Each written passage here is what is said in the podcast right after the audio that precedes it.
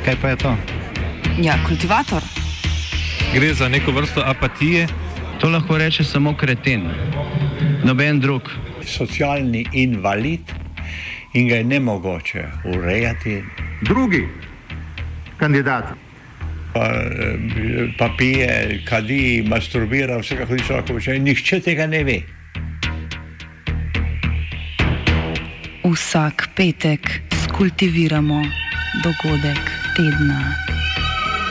Lahko po kriterijih radio študent, težko pa po evropskih kriterijih. Ampak na drug način, kot vi tu mislite. Kultivator vedno užge. da pač nekdo sploh omenja probleme, ki so in da pravzaprav sploh nekdo sproži dogajanje uh, v družbi. To drži, drži. Novi zlati časi za slovensko vojsko. Per fascite necrotisanti in Campo America si intende una forma particolare. Včeraj so poslanci na parlamentarnem odboru za obrambo 8 ur razpravljali o predlogu zakona o investicijah v slovensko vojsko v obdobju od 2021 do 2027. Odbor je predlog z desetimi glasovi za in petimi proti potrdil. Še predtem je odbor zavrnil predlog stranke LMŠ, da bi opravil javno predstavitev mnen. Ministr za obrambo in prvak Nove Slovenije Matej Tonin očitno nima namena izgubljati časa in je predlog označil za taktični manever, da se predlogu zakona onemogoči nadaljna pot.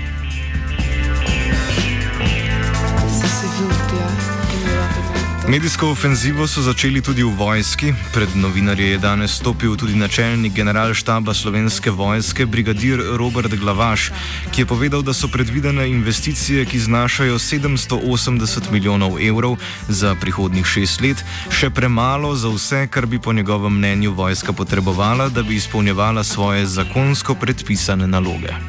Perfetti. Isto si polje bolje. Nove investicije v vojsko je obramni minister Tonin napovedal pred tremi meseci, predstavil pa pred slabima dvema tednoma. Politične stranke so se do predloga opredelile po že znani ločnici, pri čemer se je SNS pridružila koalicijskim strankam v podpori zakonu. Pri nasprotovanju investicijam v vojsko je bila že od samega začetka najglasnejša stranka Levica, ki je predlagala razpis posvetovalnega referenduma.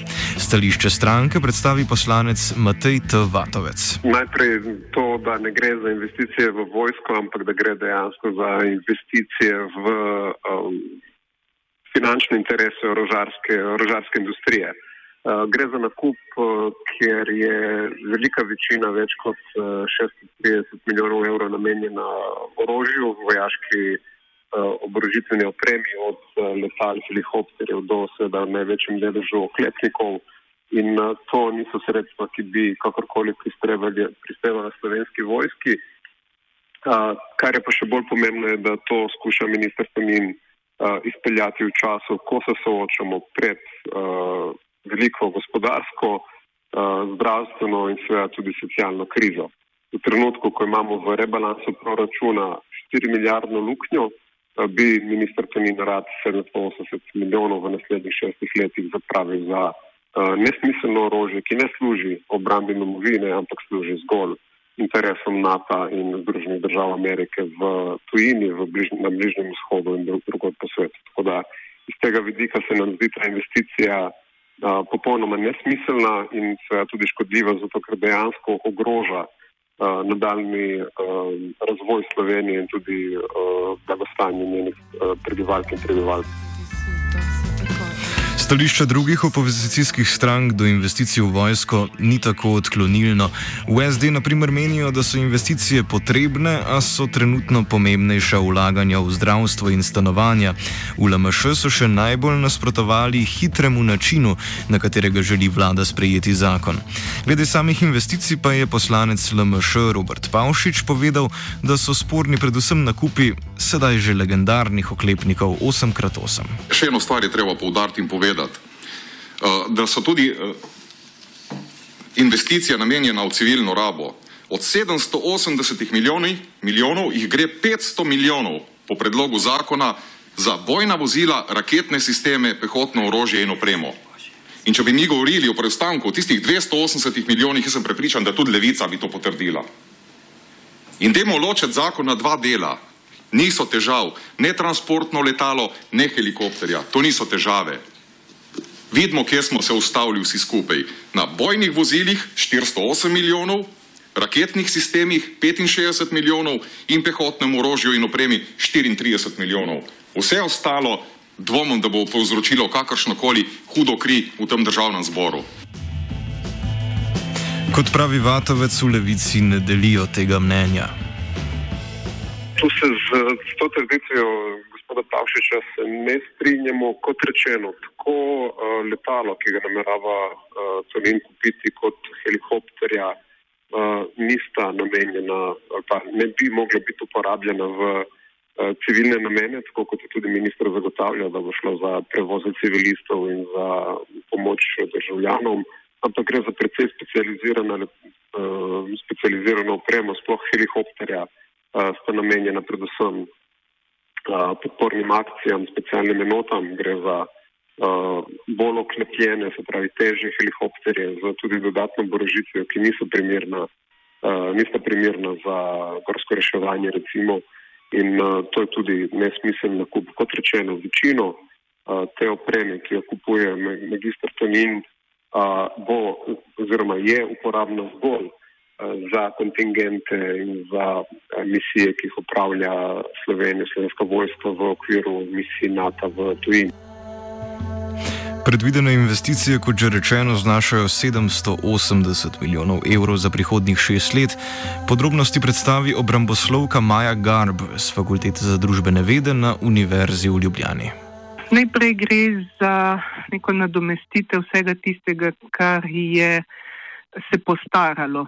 Da tako po domače povem, v teh uh, letih od 2008-2010 dalje, uh, ko so se ne, dejansko, ko ni bilo nobenega vlaganja več v slovensko vojsko, uh, torej v, v vse vso to opremo, orožje, um, torej da se nadomesti vse to, um, kar je obrabljeno. Druga stvar je pa seveda nabava sredstev, vozil, uh, ostale opreme za to tako imenovano srednjo bataljonsko skupino, ki jo vsaj že deset let spostavljamo in, in je še nismo uspeli, uspeli vzpostaviti.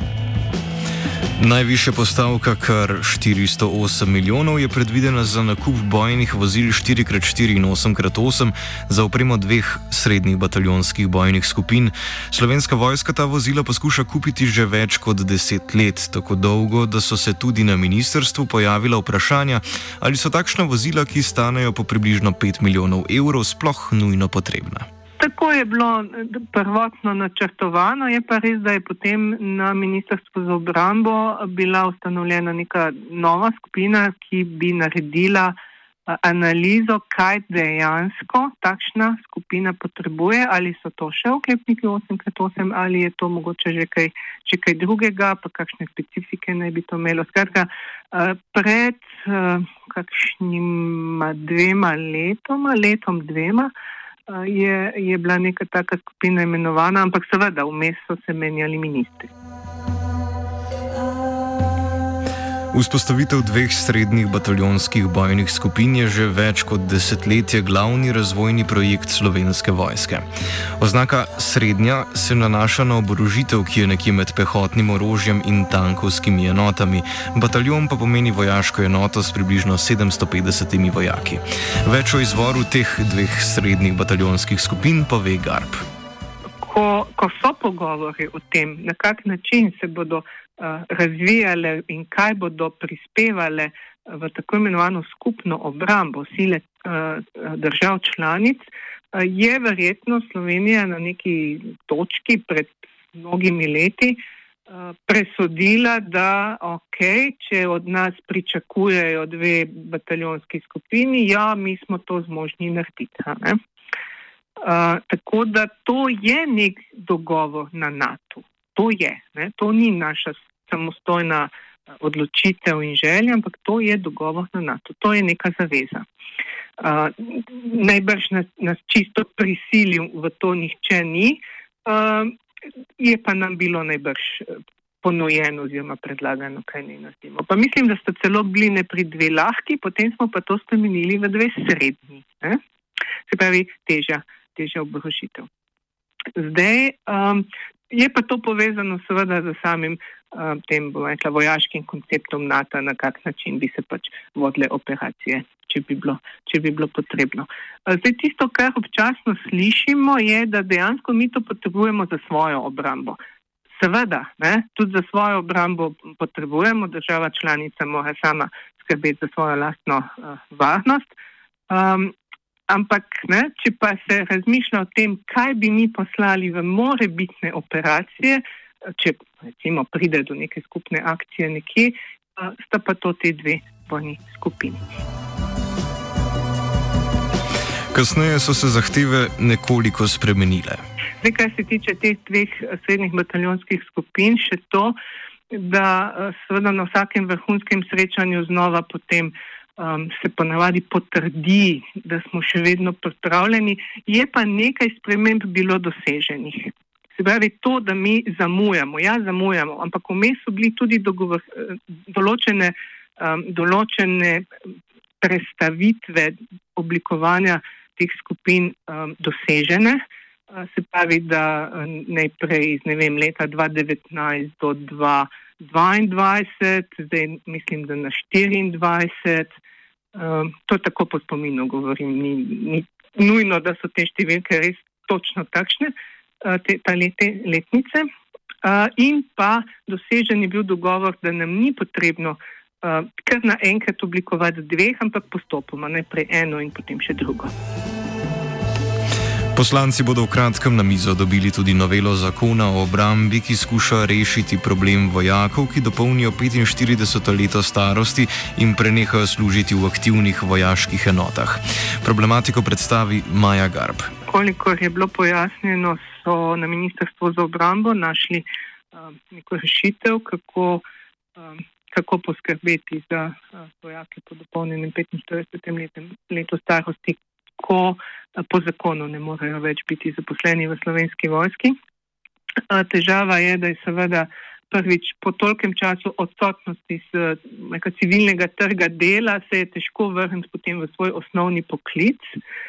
Um, čeprav to je en, eden od razlogov, zakaj imamo pa nas zahtevano tako visoko izobrazbo in dejansko vsak, ki stopi v vojsko, ima nek civilni poklic.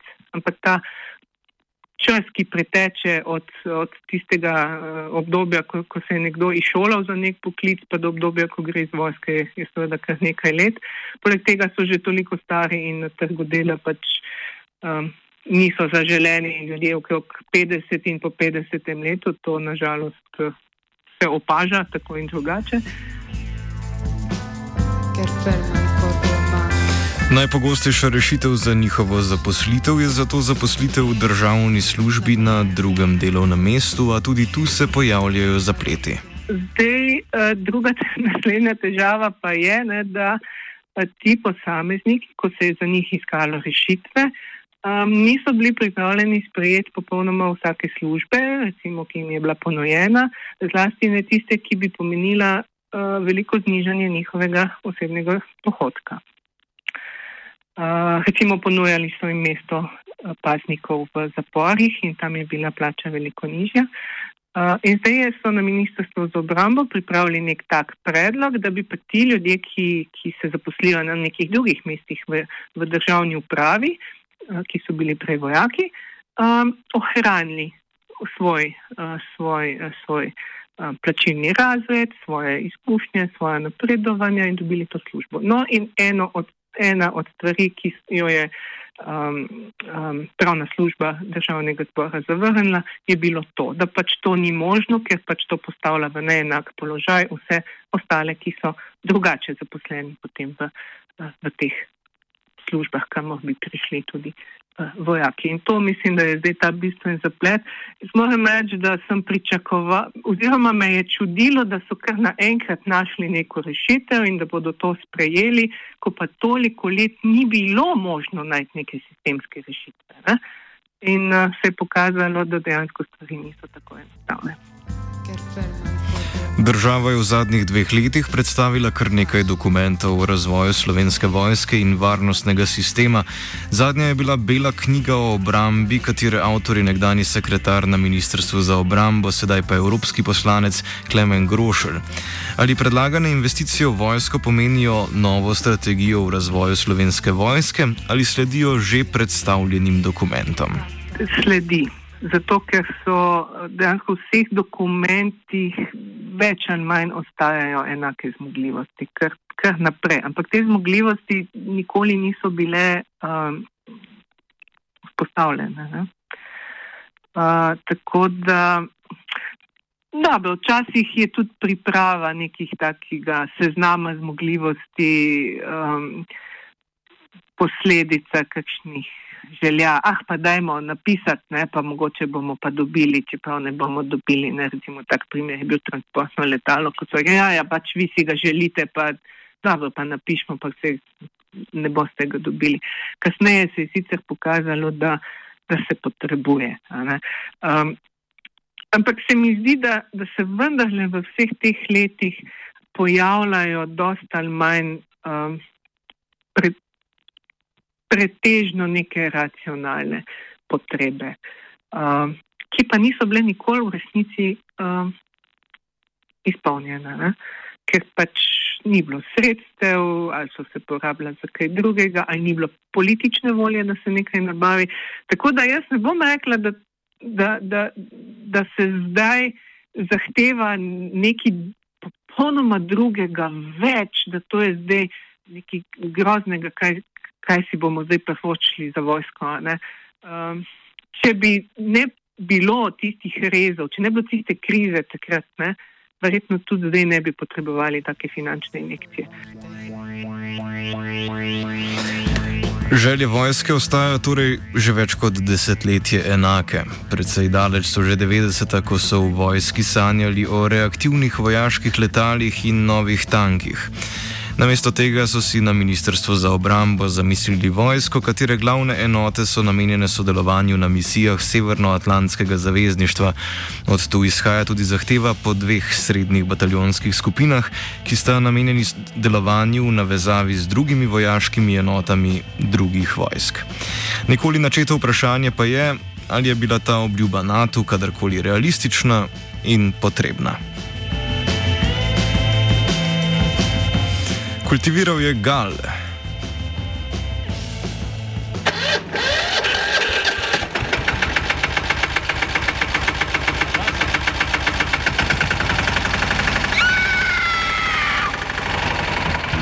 E, kaj pa je to? Ja, kultivator. Gre za neko vrsto apatije. To lahko reče samo kreten, noben drug. Socialni invalid in ga je ne mogoče urejati. Drugi kandidat.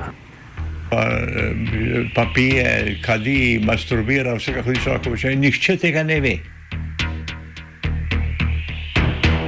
Vsak petek skultiviramo dogodek tedna. Lahko po kriterijih radio študent, težko pa po evropskih kriterijih. Ampak na drug način, kot vi tu mislite. Kultivator vedno užge. Da pač nekdo sploh omenja probleme, ki so, in da pravzaprav sploh nekdo sproži dogajanje uh, v družbi. To drži, drži. Brez besed. Jaz sem brez besed, vi ste brez besed, cela vojska je brez besed. Zaradi tega, kaj ste vi naredili.